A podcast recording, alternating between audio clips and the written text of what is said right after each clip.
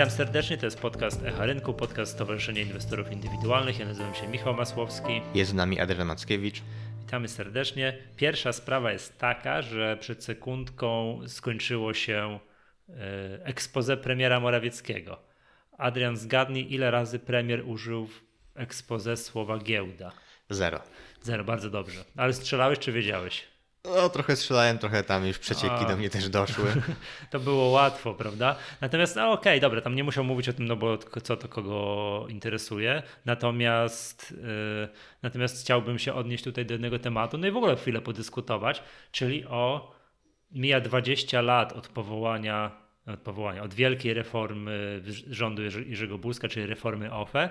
OFE właśnie dogrywają no tutaj koniec OFE już na horyzoncie, no i ma się zmienić pytanie, co teraz, tak? Co się tak z ciekawostki, to ch chyba też dość istotną, bardzo istotnym elementem tej reformy z 99 roku był też trzeci filar. Jakby tak, głównie, IKE, głównie, IKE głównie mówi się właśnie znaczy, wtedy powstały IKE, a IKE tam jakiś czas później, tak. ale, ale generalnie Wtedy tak. chyba powstało IKE i... I PPP. PPPE, tedy powszechne programy, emery, pracownicze programy emerytalne. Coś takiego. Tak, jest, to, w zależności od skrótu to jest albo PPE, hmm. albo PPPE. Tak, tak. w zależności hmm. jak ten skrót ktoś sobie... A teraz tak. mamy nowe PPK. Tak, Więc tak. A to się wszyscy P. śmieją już, nie, że są kolejne skróty do nauczenia się, że jest IKE, IGZE, PPE, PPPE, e, mm, PPK, PPK, OFE. Tak, i tak dalej, i tak dalej. To tego jest cała, cała masa, prawda? E, no ale właśnie, ja się miał odchodzić z tym z OFE. OFE było tak zwanym drugim filarem. Pierwszy filar to był, przypomnij, te założenia tej reformy z 1999 roku. Pierwszy filar to było, to jest ZUS, obowiązkowy. Wszyscy dobrze wiemy, którzy każdy, kto pensję dziś odprowadza albo prowadzi działalność gospodarczą, jest ZUS. E, drugi filar, również obowiązkowy, to było OFE. I trzeci filar, dobrowolny, każdy mógł sobie sam odkładać. To jest właśnie IKE i później doszło po pewnym czasie. To chyba nie było od momentu... Nie, to po kilku latach Po kilku latach weszło IGZE. Tak, bardzo fajne dwa, bardzo fajne dwa instrumenty, aczkolwiek yy, no nie wiem, czy tak rozróżnialne łatwo w społeczeństwie. To tak znaczy, myślę, że do dzisiaj nie znaczy Akurat dzisiaj może jakiś tam większy odsetek wie, co to jest IKE, no bo dużo się mówi, że tam środki SOFE mają zostać przeniesione na IKE, natomiast cały czas myślę jest to e, bardzo mało. E, bardzo mało osób wie, co to w ogóle jest IKE, a IKE to już w ogóle. No to też jakby no, to chyba KNF publikuje, czy NBP, już nie pamiętam, chyba KNF raz w roku, rank, nie ranking, tylko takie zestawienie, ile przybyło IKE, ile środków, tam zostało wpłaconych, płaconych i tak dalej, no i jakby to powiedzieć, bardzo mała liczba osób oszczędza za pomocą tych rachunków, ale to co pamiętam, po, pamiętam pozytywnego, to te rachunki IKE mogą być w różnej formie. No i tam rachunek bankowy, jakiś fundusz, yy, tudzież rachunek maklerski, to te rachunki maklerskie zawsze mają najwyższą średnią, jeżeli chodzi o poziom depozytów. Więc jak już ktoś się decyduje, otwiera rachunek maklerski, no to faktycznie z tego, z tego korzysta. Tak? No chyba jest też takim najbardziej świadomym klientem wtedy tego instrumentu, bo no bo jednak y, mocno y, korzysta z tych ulg y, podatkowych, tak, jakie daje ten instrument. No a tutaj inwestorzy, którzy inwestują na giełdzie, no to to, że można zyskać nieopodatkowaną dywidendę, to jest coś pięknego. Tak, to, to oczywiście. To przede wszystkim to jest jakby podstawowy, podstawowa sprawa. Nieopodatkowana dywidenda. Bo oczywiście to też jest nieopodatkowany taki zysk z inwestycji giełdowych, no ale wiadomo, on jest raz łatwiejszy, a raz, jak pokazuje życie, trudniejszy. No i przede wszystkim tak. trzeba poczekać do tego 65 roku życia na IKE chyba, żeby rzeczywiście móc wypłacić te środki bez podatku i to jest na stan dzisiejszy e, zastany, a co będzie za kilka lat, jakie będą warunki, to, no to, to zobaczymy. jeszcze zobaczymy. No właśnie, i teraz minęło 12, 12, 20 lat i takim przełomowym momentem przez, w tym, w tym 20, ostatnim dwudziestoleciu był rok 2013 i 2014, kiedy był ogłoszony, no to się tak nazywa, tam był chyba drugi demontaż OFE, bo pierwszy demontaż to był jeszcze prosty, po prostu obniżono, e, tam kilka lat wcześniej obniżono kwoty, które tam z tego podziału szły do, do, do OFE, ale w 2013 tam słowami premiera Tuska i ministra Rostowskiego mm, tak zabrano z OFE część obligacyjną te, i na początku 2014 roku to się faktycznie stało, te obligacje umorzono, tak? No, połowa środków, którą, którą zebraliśmy przez ostatnich tam wtedy kilkanaście lat została przekazana no, do ZUS-u, tak? I jakby no nie do ZUS-u, przekazana do Skarbu Państwa, tutaj te, te obligacje zostały umorzone, a równowartość obligacji dopisana do naszych kont w ZUS-ie. No, jak to, jak to zostało odebrane przez społeczeństwo, no to widzimy dzisiaj, kiedy jest wdrażane PPK. No jest... Powiedzmy też, jakie to były kwoty, bo tam OFE swego czasu miały nawet 300 miliardów zgromadzona, to obli część obligacyjna to było około połowy, to było 100 140 parę miliardów Tak, około złotych. 150 miliardów i z tego co pamiętam, to kilka miliardów po drodze w tym transferze się zagubiło tak? i też e, były tam różne komentarze, gdzie te kilka miliardów wtedy zniknęło. O, przy takich kwotach nie będziemy się targować o drobne, prawda? No. I minęło, to był 2013-2014 rok, minęło 5 lat, mamy 2019 rok, e, jest kolejna wielka reforma systemu emerytalnego wdraża się, jest to w trakcie, wdraża się PPK. No i według tutaj słów Pawła Borysa, szefa PFR-u, ta stopa partycypacji, czyli ile tych osób, tych, bo to na razie największe spółki przystępują, ile przystępuje do PPK, okazuje się, że to 50, jeżeli byłoby 50%, to byłby sukces, że tego jest bardzo mało. Właśnie wydaje mi się, że jak na te największe firmy, gdzie jak mi się wydaje partycypacja powinna chyba być najwyższa, no to nie wiem, czy to jest jakiś taki bardzo optymistyczny wynik. Chociaż nie, to jest nie, bardzo nie, zły nie, wynik. Ja jest... nie wiem, czy bym go nazwał bardzo złym, no ale chyba oczekiwaliśmy trochę lepszego wyniku po tych największych y, filmach. -hmm. No, no oczywiście, że tak, tak. No i, i sprawa jest oczywista, tak? Brak zaufania. Okazuje się, że wydaje się, że ludzie mają krótką pamięć i zapominają. Tak, i tę sprawę OFE, ta sprawa OFE funkcjonuje w społeczeństwie polskim tak, że, że nie wiem, Polacy uważają, że w tym OFE to gdzieś po drodze, nie wiem, ukradziono nam jakieś pieniądze. Tak, notabene ja też powiem, tak, też tak uważam. Tak, ja też jakby no, nie czuję się w porządku z tymi, z tymi 140 miliardami OFE, które nam gdzieś, y, z, y, z tych obligacji, które gdzieś, gdzieś nam przepadły. No i teraz jest tak, że po pierwsze, a ludzie bardzo mało przystępują do tego PPK. Nie mamy jeszcze oficjalnych odczytów, no ale to w mediach przedstawiciele PFR-u tonują te wypowiedzi. I jest druga sprawa, yy, już wisi nad nami reforma, co zrobić z tą brakującą częścią OFE, czyli z tą częścią akcyjną. No i projekt wygląda następująco. Ma ona zostać przekazana z OFE na nasze prywatne rachunki IKE, nie wiem, jednostki uczestnictwa w OFE mają zostać zamienione w jednostki uczestnictwa w TFI, przeniesione na IKE, a po drodze ma zostać pobrana opłata 15%. No tak, właśnie, no, która budzi, nie ukrywam, gigantyczne emocje. Tylko to jest tak, mm, de facto to jest trochę to samo, bo tak, gdyby te pieniądze zostały przekazane, aha, druga droga, mogą zostać przekazane pieniądze do ZUS-u i wtedy tych 15%, te 15% nie zostanie pobrane, więc no niby to, No ale jakiś podatek na wyjściu zostanie właśnie, z tego pobrany. Właśnie, dokładnie tak jest. Tak, jeżeli nie zabiorą nam z jednej strony, to zabiorą z drugiej, tak? Czyli... Zawsze lepiej, żeby z drugiej zabierali, no ale... Czy ja wiem? No, coś można zarobić z tych 15% przez ten czas do emerytury i by to pracowało wtedy, tak? No właśnie, ale jest, jest tak, że gdyby te pieniądze zostały przekazane do ZUS-u i gdzieś tam, nie wiem, pójdziemy sobie na emeryturę w wieku tym 60 paru lat, to wtedy wypłaca, jakby ten ZUS będzie nam wypłacał środki, to one będą normalnie opodatkowane, czyli tak tych kilkunastu procent podatku nie unikniemy, tak? A jak nastaną nam przekazane teraz, to jest 15%. Tutaj uczestnicy konferencji Wall Street bardzo ładnie to nazwali opłatą powitalną, tak? Że to jest, to się ładnie też nazywa opłata przekształceniowa i tak prześmiewczo opłata powitalna 15%.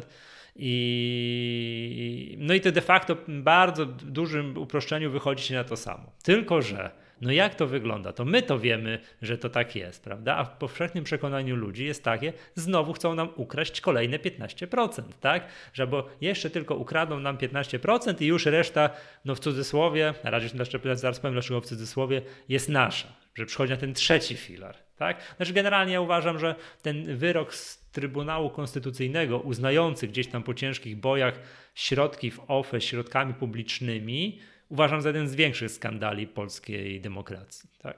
Chociaż profesor Gwiazdowski na Wall Streetie mi wytłumaczył, zadał takie pytanie, a mógł pan te pieniądze wziąć, wypłacić?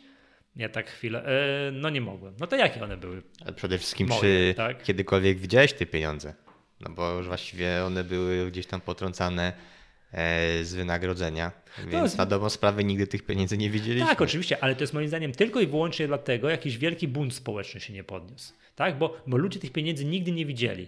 To nie jest tak, że dostawaliśmy te pieniądze netto na rachunek, one mieszkały dwa dni na naszym rachunku na roże bankowej, nagle cyk szły gdzieś na, jakieś, na, jakiej, na jakiś drugi filar. Tylko my dostawaliśmy kwotę netto i tam kto się interesował, ale to był zapisany, to dostawał, nie wiem, jakiś list raz w roku od swojego towarzystwa tutaj emerytalnego i tam było, nie wiem, że masz, drogi Kowalski, taką liczbę jednostek, ona jest warta tyle na dzień dzisiejszy, tam jakieś stopy zwrotu opłaty, stopy zwrotu opłaty były wymienione.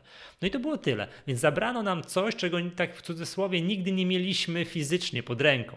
Gdyby zupełnie co innego by było, jakby na przykład bym się zalogował na swój ROR, patrzę, a tam pyk i nie ma połowy środków. O, to by, to by ludzie wyszli na ulicę, a ponieważ nam zabrali w tym 2014 coś, czego tak naprawdę nigdy nie oglądaliśmy, no to tak no, media finansowe pokrzyczały, ktoś napisał kilka felietonów, parę osób wyraziło oburzenie na Twitterze.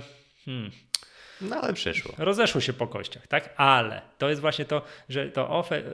No właśnie jednak ta świadomość tego, że nam to, te pieniądze no, obeszło się bez zamieszek. Znaczy tak? chyba można powiedzieć tak, rozeszło się po kościach, ale w kościach zostało to, jednak. O, troszeczkę właśnie obeszło się bez zamieszek, ale jednak w kościach zostało, bo teraz, mm, tak jak ja rozmawiam z ludźmi, którzy jeździli po Polsce i szkolili w tych dużych przedsiębiorstwach, no akcję edukacyjną yy, yy, prowadzili dotyczącą PPK, i przychodzili na salę różni ludzi, ludzie. Górnicy, hutnicy, kompletnie niezwiązani z branżą finansową, kompletnie nie, nie no tak spoza rynku kapitałowego. I podstawowy temat. Odpowiedzi były takie. Nie zapisuję się do PPK, bo już raz mnie oszukaliście. Drugi raz się nie dam nabrać. Yy, nie mam żadnego zaufania do systemów finansowych. Tak? Znowu chcecie mi coś ukraść. Tak? Takie jest mniej więcej powszechne przekonanie, że skoro nam wtedy ukradli, to nam teraz też ukradną. No i tak trochę długo o tym mówimy tutaj i, to, i z jednego dosyć tutaj prostego powodu, bo się nasunął powód, dla którego warto było znowu wrócić i po raz kolejny tę sprawę po raz kolejny tę sprawę tutaj rozgrzebać. Otóż dzisiaj odbyło się to expose premiera, które tutaj, tutaj zażartowaliśmy i to nie jest żart niestety, że słowo giełda, rynek kapitałowy nie został wymieniony ani przez sekundę. E, ani przez sekundę. Otóż premier Morawiecki wypowiedział takie zdanie. E, rząd zaproponował zmiany konstytucji, by zagwarantować prywatność środków PPK. Uwaga, mam propozycję. Zmieńmy konstytucję Rzeczpospolitej Polskiej tak, aby zagwarantować środki w PPK i indywidualnych kontach emerytalnych, zagwarantować ich prywatność i ochronę. Tak możemy uzyskać zaufanie obywateli. No to ja rozkładam ręce. To skoro trzeba zmienić konstytucję, żeby zagwarantować prywatność, prywatność środków PPK i IKE, to znaczy, że teraz jest co? Może nie są chyba do końca prywatne. Co to w ogóle znaczy? W jakim stopniu są prywatne, w jakim publiczne? Tak. Przed sekundą rozmawiałem z Grzegorzem Zaleckim przez telefon, tak komentowaliśmy te, bardzo serdecznie pozdrawiam, komentowaliśmy tę sytuację, że to, to była już taka książka, że niektórzy byli równi i równiejsi, tak dobrze wiemy jaka, to teraz będą są środki prywatne, ale po tej zmianie, zmianie będą prywatniejsze. Jeszcze, no po prostu. No i teraz jedno takie zdanie, jak buduje to zaufanie, tak? Jak buduje to zaufanie? Wystarczy jedna ustawa, jedno coś, jedno, nie wiem, zmiana w prawie gdzieś za 10 lat, żeby nagle stwierdzić, że te środki w PPK to może i były prywatne, ale teraz to już prywatne nie będą, albo będą troszkę mniej prywatne, tak? I tak dalej. No, to ja się nie dziwię właśnie teraz, że, że, że, że ta stopa przewidywana, taka prognozowana, taka prognozowana, taka zawieszona w powietrzu, nie wiadomo jaka, ale chyba niska, mm, stopa partycypacji w PPK, że ona taka jest, tak? Że, że ludzie nie chcą i jest ten taki dominujący głos z sali, drugi raz się nie dam nabrać, już mi nic więcej nie ukradniecie. W ogóle się nie dziwię, a jeszcze jak premier wrzuca takiego, no co tu dużo mówić, tutaj przedstawiciele PFR-u i Paweł, Borys, tam inni na Twitterze, tam w mediach społecznościowych, no robią dobrą minę do złej gry, no ale premier wrzucił im trochę takiego gorącego kartofla. Trochę tak. Bo skoro trzeba to zagwarantować w przyszłości, to teraz jak jest?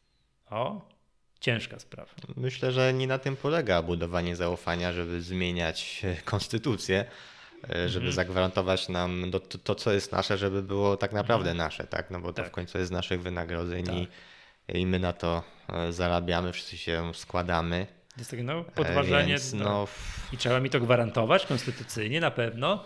Zaraz się okaże, że to, że ja sobie kupiłem hulajnogę elektryczną, to też byłoby dobrze mi zagwarantować w Konstytucji ochronę mojej własności prywatnej. Przecież to jest tak samo moje, jak moje środki WIKE. No właśnie, więc tak. no, budzi to wiele Notabene nie kupiłem żadnej hulajnogi elektrycznej, ale to był dobry, przy, przy taki przykład abstrakcyjny. Albo drona. O, Jak sobie ktoś drona kupi, drona. no to też chciałby, żeby tak. to był jego dron. Tak, tak, już tak, tak. Psa na baterię elektryczną. No i tu podajmy jeszcze szereg abstrakcyjnych przykładów, co to każdy ma, jakie zabawki u siebie w domu, tak, Xboxa i wtedy można to. No, dobrze wiemy, ta konstytucja gwarantuje y, ochronę własności prywatnej, tak? I mam wrażenie, że drugi raz zmieniać konstytucję, żeby znowu nam zagwarantować ochronę własności prywatnej, to chyba nie trzeba. Czy Ale jednak w trzeba? jeszcze większym stopniu. Jeszcze bardziej. No, tak. To będą jeszcze bardziej prywatne środki. Tak, oczywiście no tutaj sobie szydzimy i no cwaniakujemy, tak, no ale no coś w tym jest takiego tutaj, że który każe popatrzeć. Co, przepraszam? Mamy... Właśnie, wydaje, wydaje mi się, że to jest bardzo dużym problemem, że w ogóle gdzieś urodził się pomysł takich wypowiedzi, żeby gwarantować e, prywatność naszych prywatnych środków. Tak. Więc to myślę, to jest ogólnie problemem e, w Polsce, że takie pomysły padają, żeby w jakiś sposób e, próbować różnymi mechanizmami przekonać nas, że to, co jest nasze, to mhm. rzeczywiście jest nasze i moim zdaniem rzeczywiście tej ustawy no po historii z OFE, to nie wiesz, po historii z OFE to to nie jest już takie, takie do końca oderwane od rzeczywistości, ponieważ no ja pamiętam, ja już tam mam swoje lata, że w tym 1999 roku, jak były po kolei reklamy Bogdan mówi bankowy, albo ta druga, najbardziej mi się wydała reklama, trzeba mieć fantazję dziadku, a, a, a ten dziadek odpowiadał, trzeba mieć pieniądze, nie, fantazję i pieniądze synku. Kojarzysz? Nie. A, fantastyczna reklama była. Jeżeli znajdziemy ją gdzieś na YouTubie, to jest reklama jednego z towarzystw, właśnie z jednego z OFE, gdzieś tam w tym 1999, wtedy po, no nie po internecie, tylko po mediach, bo to wtedy internet raczkował, tak, telewizji, te reklamy no, no, w lewo, w prawo latały, prawda? Ja rozumiem, że było stać te, te OFE na to, ponieważ one miały, tam były opłaty takie wstępne, jak przystępowałeś do OFE, tych wstępnie wpłacanych środków po 8-9%. A to chyba też było tak, że ta opłata była z góry brana, czyli tak. 100 zł szło na OFE, offer było potrącane opłaty, tak czyli de facto 9, powiedzmy tam 90 ileś złotych tak y, inwestowano. Tak było. No, druga sprawa, że wtedy inflacja była solidna, nikim takie procenty nie robiły wrażenia. Jak M-Bank ruszał o Jezus Maria, w tym roku ruszał mBank. W 2000-2001 to pierwsze oprocentowanie konta w mBanku było 15% i drugiego tam 16,5 albo coś takiego. Także to były takie, takie procenty, tak? A my się teraz obruszamy, że Getback 9% oferował i to na pewno jest, był przekręt i powinniśmy byli się domyślić, prawda? A, to, a mBank 15-16%. To dopiero był przekręt w mBanku. No ale taka inflacja była, tak? To, no też, tak, trzeba, to, to, też trzeba być świadomym, e, świadomym tego. No i wtedy te reklamy OFE to był jeden jeden z większych hitów, nie? Jakiś taki, jakiś taki dziadek udający, że jeżdżący na nartach, że żona go piórami obrzucała, tak? I tam było, że nie musisz udawać na emeryturze. Bogdan mówi bankowy, no i to mój ulubiony hit, trzeba mieć pieniądze i fantazję, nie, fantazję i pieniądze, synku, to podlinkujemy, umieścimy ten wpis na YouTubie gdzieś w opisie odcinka na, u nas na stronie, no bo to jest jedna z lepszych reklam, moim zdaniem, w historii, tak? No, a i właśnie, czemu o tym mówimy? Nie, nie mam mówić o reklamach, tylko miałem mówić o tym, że jak to OFE w 1999 roku ruszało, to ja też słyszałem, że to są moje prywatne pieniądze. Ja się wtedy nie wczytywałem, to pierwszy filar, drugi filar, nie no, przepraszam, czytywałem się, rozróżniałem pierwszy filar od drugiego filara, że to obowiązkowe. Ale to państwowe, to ZUS, to tam idzie na ZUS, a tu prywatne, już kapitałowe, prawdziwe pieniądze i tak dalej. Okej, okay. no takie prawdziwe pieniądze, jak się okazało, jak w eurobiznesie w 2014 roku.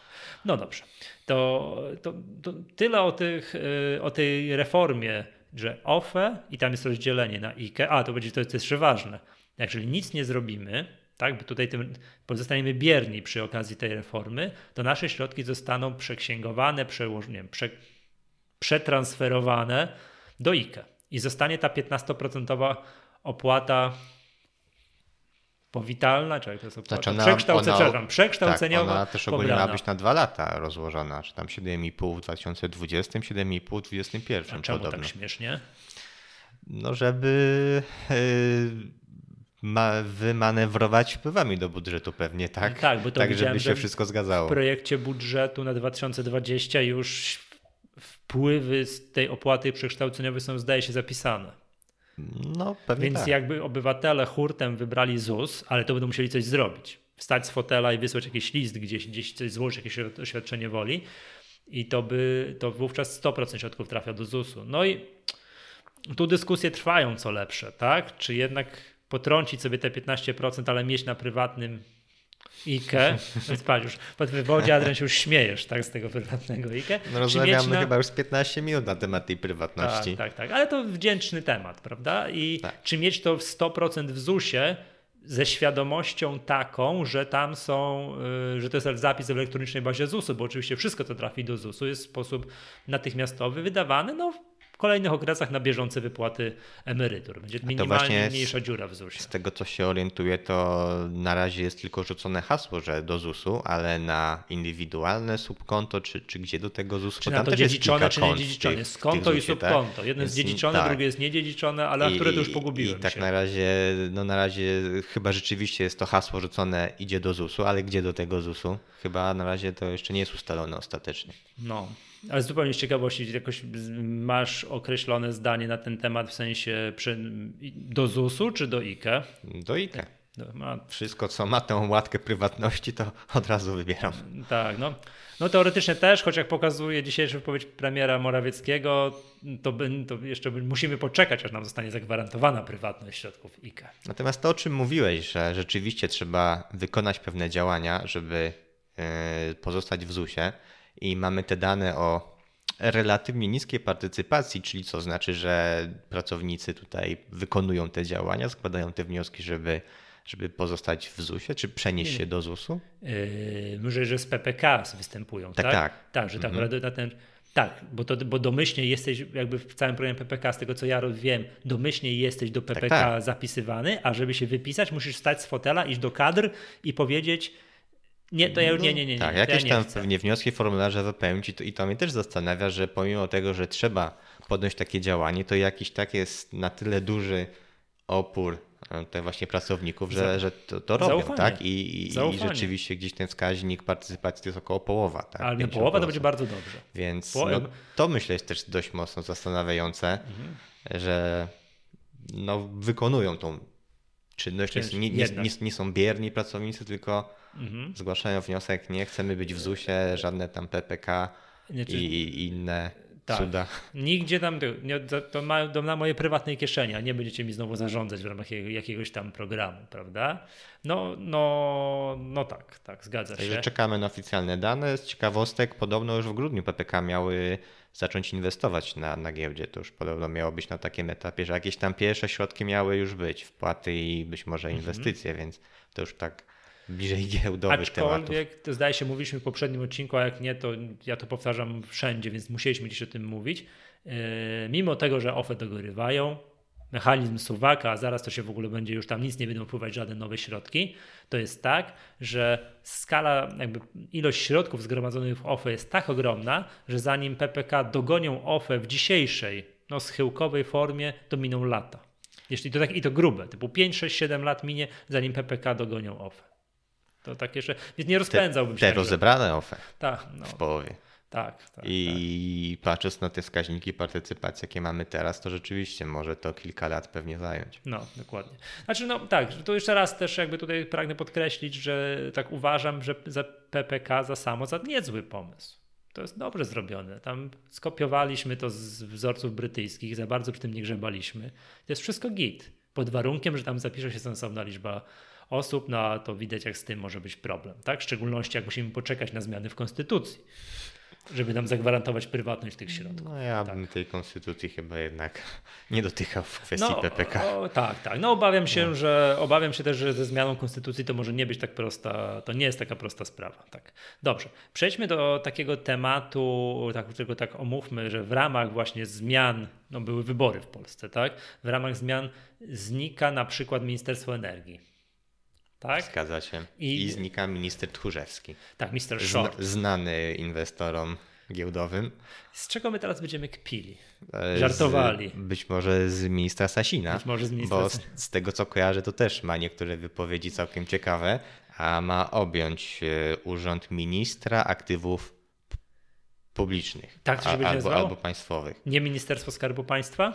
No to będzie de facto Ministerstwo Skarbu Państwa, ale będzie się nazywało Ministerstwem Aktywów Państwowych, czyli znowu będzie skumulowanie nadzoru nad większością spółek, zdecydowaną większością spółek Skarbu Państwa właśnie w jednym ministerstwie. No bo teraz to się trochę rozmyło, jak było wydzielone Ministerstwo Energii. Tak, bo to przypomnijmy, bo że jakieś mniej więcej dwa lata temu rząd zlikwidował Ministerstwo Skarbu Państwa mm, i rozdzielił nadzór nad spółkami publicznymi po różnych innych ministerstwach. Tak? No i stworzył tak. przy tym Ministerstwo Energii. Tak, Ministerstwo Energii, tam trafiły spółki energetyczne, tam jeszcze inne, a tam, nie wiem, PZU poszło gdzieś indziej i tak dalej, i tak dalej. To zostało Zgadza wszystko rozłożone tak, po różnych strefach wpływów. Jestem bardzo ciekawy, jak te różne strefy wpływów będą teraz ochoczo oddawały no e, swoje, że tak powiem, tereny wpływów do jednego centralnego ministerstwa, bez względu na to, jak ono się będzie nazywać no myślę, że tutaj nie mają wiele do gadania i to podobno jednym z powodów właśnie powrotu do pomysłu takiego jednego ministerstwa było to, że troszeczkę za dużo konfliktów było pomiędzy e, właśnie tymi różnymi ministerstwami i walczenie, walczeniem o te strefy wpływu i tak dalej. E, no było też kilka takich tematów, że były tam jakieś spory, kto ma kontrolować PZU, kto ma tam decydować w PZU i w jakichś no, tam innych bankach i tak dalej. No więc teraz y, problem. Chciałem powiedzieć problem z głowy, ale zastanawiam się, czy, czy tak naprawdę z głowy. No, no tak, tak. No, to, no, no rozumiem, że Natomiast... rząd postanowił zamieszać tę zupę po raz kolejny i tak jak rozdzielił po mniejszych garszkach, teraz znowu wszystko zlewamy do jednego wielkiego kotła i będziemy mieli w jednym miejscu. Yy, zdaje się, że z rzeczy, tutaj, które trzeba wspomnieć, są dwie. Pierwsza taka, że zdaje się, że widziałem już wypowiedź ministra Sasina taką, że e, to jest yy, wpisującą się w retorykę ministra Tchórzewskiego o tym, że spółki mają do realizacji inne cele niż dbanie o przyrost wartości dla akcjonariuszy. To już taka wypowiedź się trafiła. A to już od właściwie od początku władzy PiS. Wcześniejsi ministrowie też tak mówili. Zaczynam się powoli przyzwyczajać. I druga jest taka, że przynajmniej w krótkim terminie minister Sasin obiecał, że cena energii elektrycznej przynajmniej dla odbiorców indywidualnych nie wzrośnie. Zgadza się, natomiast otwarcie powiedział, że dla przedsiębiorstw, dla biznesu wzrośnie i po prostu muszą to wziąć mhm. E, kolokwialnie na, na, klatę. Na klatę. Na klatę.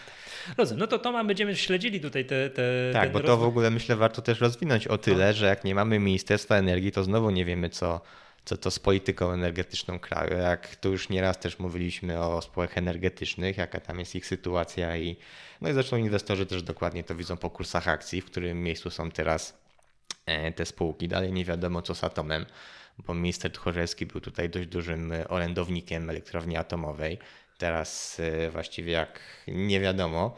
E, Mam pomysł na czy... stanowisko dla ministra Tchórzewskiego. No. No pozwolą mu wybudować te elektrownie. Może zostanie prezesem tej tak, spółki od e, właśnie. Jakkolwiek się będzie nazywać. Tak jest, tak, tak, tak. No nie chce no. mi się wierzyć, że. No w każdym razie nie że, że weźmie zniknie ze sceny no, politycznej. Myślę, że kompletnie to, to na pewno nie zniknie. Natomiast no jakby znowu jest dość duży znak zapytania nad tą naszą E, energetyką, górnictwem i, i tak naprawdę no, ciekawe, czy to jakoś mocno zmieni się e, nastawienie w nowym ministerstwie do, do polityki względem tych sektorów. To mhm. pewnie jakiś czynnik ryzyka, e, nie wiadomo tutaj, no, po, powstaje, tak? Jasne. Zobaczymy, będziemy to śledzić. Dobra. Przejdźmy ze spraw takich ogólnych, politycznych i emerytalnych, bo to zawsze wdzięczny temat do, do, do rozmowy, ale no akurat nasunęło się, bo dzisiaj było expose, nie? po prostu jak usłyszałem, to spadłem z krzesła. Przejdźmy, rzućmy okiem na kilka spółek, które mamy na radarze. Pierwszą taką spółką jest Asbis, który widzę bardzo kurs, bardzo mi się e, bardzo mi się podoba. Co, co takiego w Asbisie się stało? No Asbis rozwinął skrzydła, bardzo pozytywnie zaskoczył wynikami za trzeci kwartał. E, od strategią spółki na 2019 rok było e, skupienie się na marży, czyli nie przychody, a marża zgodnie z prognozami z początku roku bodajże tam przychody były prognozowane, że spadną rok do roku w 2019. E, zysk właściwie też miał spaść, ale, ale cały czas na, na wyższej marży. No i ten trzeci kwartał 2019 roku, wyniki sprzed tygodnia bodajże E, spółka e, osiągnęła marżę brutto ze sprzedaży na poziomie 5,9%. To jest bardzo duża, bardzo jak, wysoka marża. Jak na tę branżę. Jak na tę branżę. Tam 6% wyciągnąć to, to już jest naprawdę, naprawdę wyczyn. No rok temu w trzecim kwartale mieli 4,8% 10% marży, czyli poprawa o ponad 1,5%, bardzo, bardzo dużo. E, no i tak, tak samo przychody ze sprzedaży spadły o 13%, tutaj w dolarach. Natomiast ten wynik brutto ze sprzedaży wzrósł o 6,3%, czyli przychody spadły, zyski E, wzrosły, więc to oczywiście bardzo pozytywna tendencja i myślę, ten poziom marży był naprawdę sporym zaskoczeniem. Co ciekawe, e, spółka powoływała się innymi na to, że dość dobrze sprzedawały się nowe iPhony. I to, to są akurat produkty o wyższej marży i w pewnym stopniu też się to przyczyniło do, do takiej, a nie innej a to jest marży. zgodne z takimi światowymi tak. informacjami, które krążą, że te mhm. nowe iPhony akurat, wszystko z nimi jest dobrze. Tak, właśnie tutaj człon, członek zarządu z Asbisu wypowiadał się, że stosunek ceny do, do jakości, do tej postępu też względem poprzednich modeli jest, jest dobry, pozytywny i rzeczywiście dobrze się te, e, te nowe iPhony sprzedają, dobrze je rynek przyjął. E, I dzięki temu spółka kilka dni po publikacji wyników e, podwyższyła też te prognozy z początku roku. No i one teraz wskazują, e, czy przychody właściwie pozostały bez zmian względem tej pierwotnej prognozy, czyli między 1,7 a 1,9 miliarda dolarów, natomiast zysk netto powiększy, czy zgodnie z tą nową prognozą jest około 40% wyższy nie ma się mieścić w przedziale 13-14 milionów dolarów, czyli de facto ma być nawet wyższy niż w 2018 roku. Więc to, to są bardzo pozytywne informacje z Asbisu. Spółka właśnie między innymi wskazała dobrą sprzedaż e, iPhone'ów, e, e, dobrą sprzedaż z wartością dodaną, czyli mm, też tutaj sprzedaż produktu z wyższą marżą, a także niższe niż zakładano koszty finansowe oraz niższe niż przewidywano koszty operacyjne czyli wyższa marża, nieco, nieco niższe przychody, e, nie, przepraszam, nieco niższe koszty, więc same pozytywne informacje z Asbisu, no i odpowiednia reakcja kursu, gdzie e, przebił poziom 3 zł. E, kurs akcji, no dzisiaj w trakcie dzisiejszej, dzisiejszej sesji, jak, jak nagrywamy, to walczyło to o ten poziom 3 zł, bo tam na moment nawet spadł poniżej. Natomiast patrząc na wskaźniki cały czas jednocyfrowe PDE, wysoka no, dywidenda. Dyskutowaliśmy kiedyś w którymś podcaście Zgadza o tym, się. że Asbis jest taką spółką o ekstremalnie niskim wskaźniku PDE. Mm. Tu i mhm. teraz jak patrzę jest 3,5. To jest cały czas jedna z najniżej wycenianych spółek na polskiej giełdzie z indeksu SWIG 80 pod względem wskaźniku C do Z. To to właściwie się nie zmieniło. E, no, no jest to ciekawe. Mm -hmm. Gdzie, gdzie, gdzieś jakoś nie cieszy się e, ta spółka. Ale to branża. No trochę pewnie tak, ale Asbis od, raczej od dłuższego czasu jest tak wyceniany relatywnie na niskich wskaźnikach.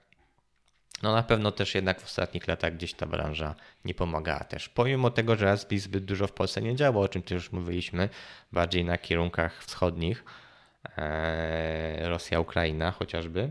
No natomiast mimo wszystko pewnie gdzieś, gdzieś ta branża też się tutaj odcisnęła na mm -hmm. Dobra, okej. Okay. I kolejną spółką, której też wspomnimy, którą też jakby śledzimy, patrzymy, co, co się w niej, dzieje, w niej dzieje, to skręćmy tutaj teraz na nasz wrocławski rynek e, się przenieśmy, czyli mamy dwie spółki. Pierwsza to jest XTPL, o, której kiedyś mówiliśmy zdrowe pół godziny w jednym, w, jednym z, w jednym z odcinków.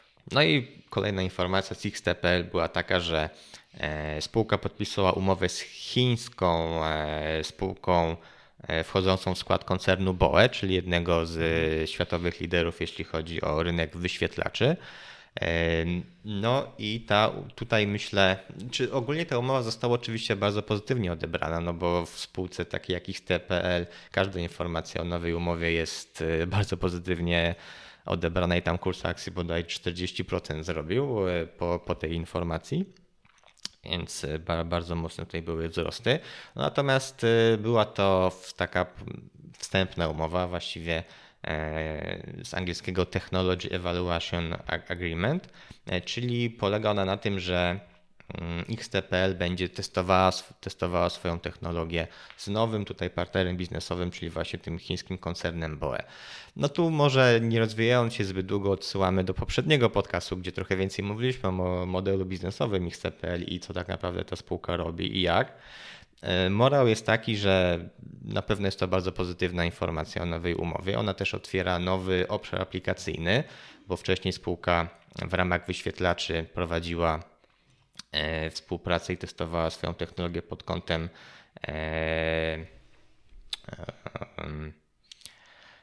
naprawy defektów, czyli pewnych uszkodzeń wyświetlaczy. Teraz natomiast może wejść zupełnie nowy obszar produkcji Mm, czy wykorzystanie tej technologii do produkcji zaawansowanych wyświetlaczy, czyli nowy obszar aplikacyjny.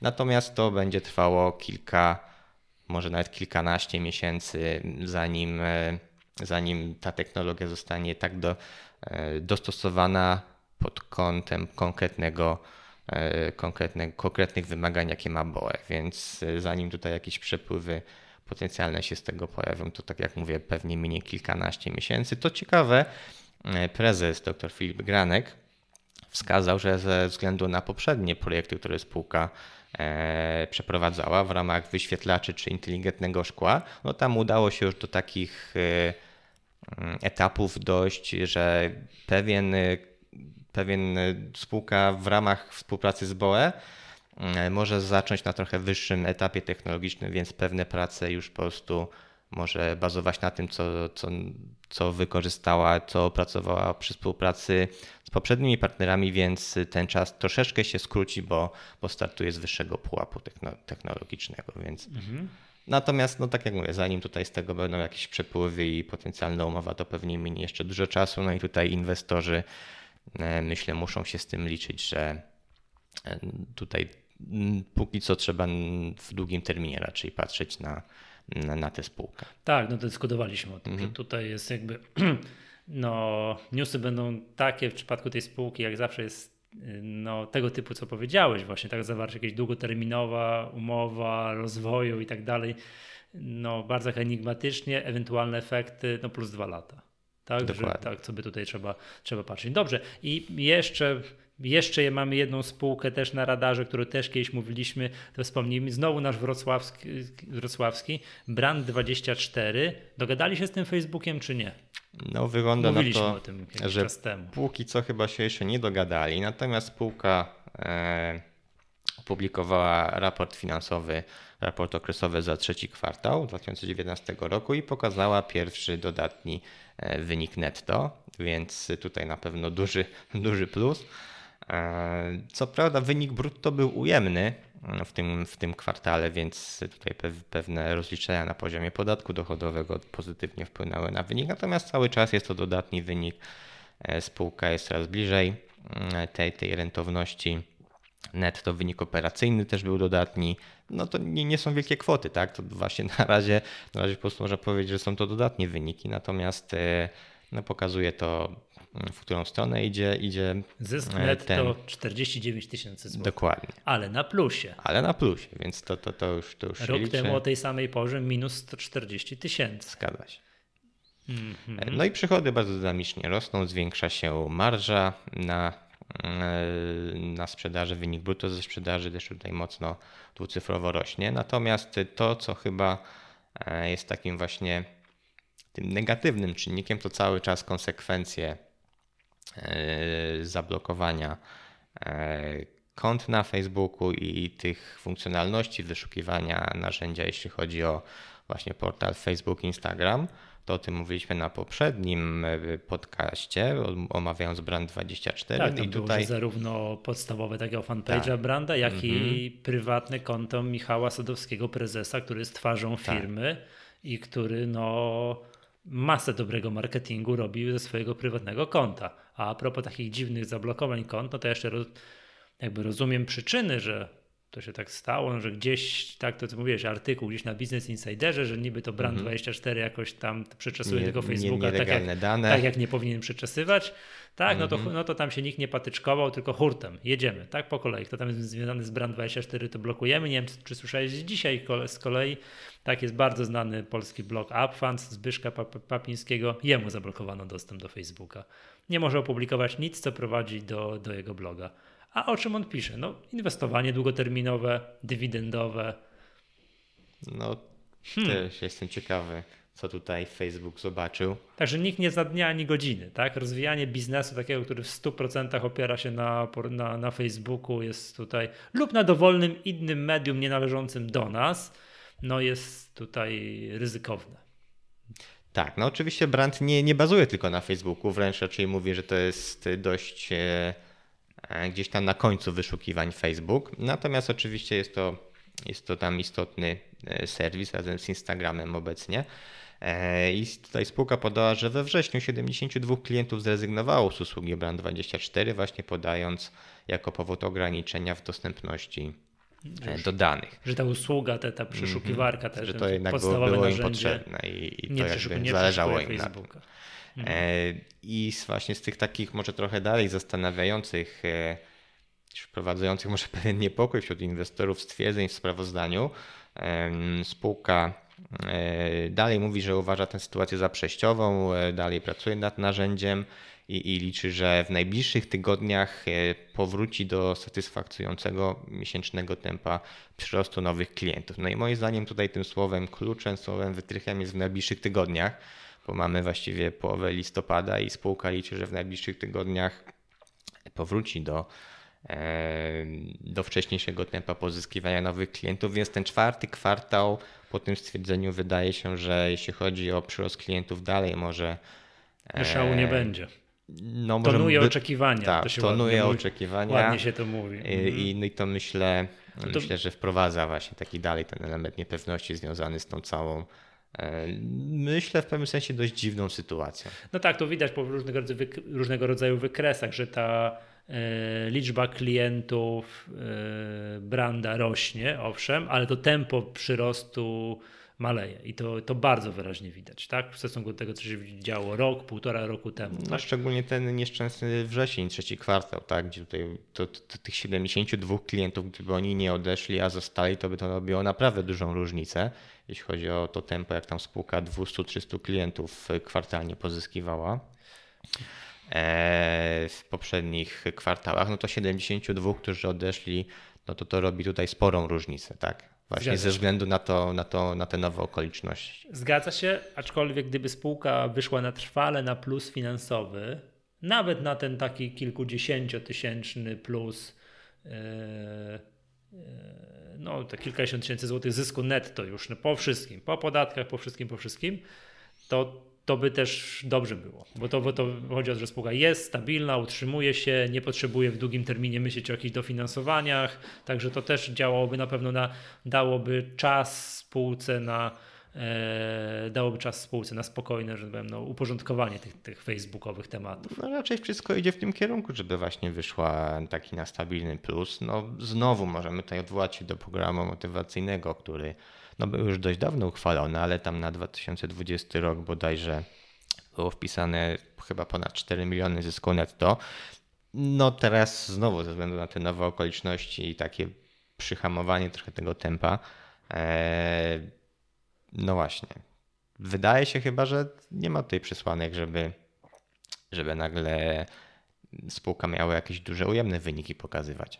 Raczej powoli będzie szła po prostu do przodu. Tak no jak, będziemy tak, tak patrzyli, tak ponieważ tak? to jest tak. To spółka... Myślę, obawy są o te tempo. Tak, spółka po pierwsze jest ciekawa, w krótkim po dru... terminie. Po drugie zapowiedziała przenosiny na, na główny parkiet. Zgadza. Tak? Właściwie powstrzymała, bo za, zapowiedziane było to już dość, dość dawno, więc tak. podtrzymała te plany przenosin. No zobaczymy, tak, bo to jest jakby, no i poza tym, to co też mówiliśmy poprzednio, jak mówiliśmy o brandzie, że E, to nie jest tak, że to dla nich ten Facebook jest jakimś takim nic nieznaczącym dodatkiem, tak? Ten jakby możliwość poszukiwania mediów społecznościowych jest no, gwoździem programu tutaj e, w ich, w ich, w ich ofercie produk produktowej, tak? No dobra, zobaczymy, nie? Będziemy się przyglądali sobie. Zgadza się. Dobrze, to wszystko na dzisiaj. To był podcast Echa Rynku. Ja nazywam się Michał Masłowski. Był z nami Adrian Mackiewicz. Do usłyszenia następnym razem.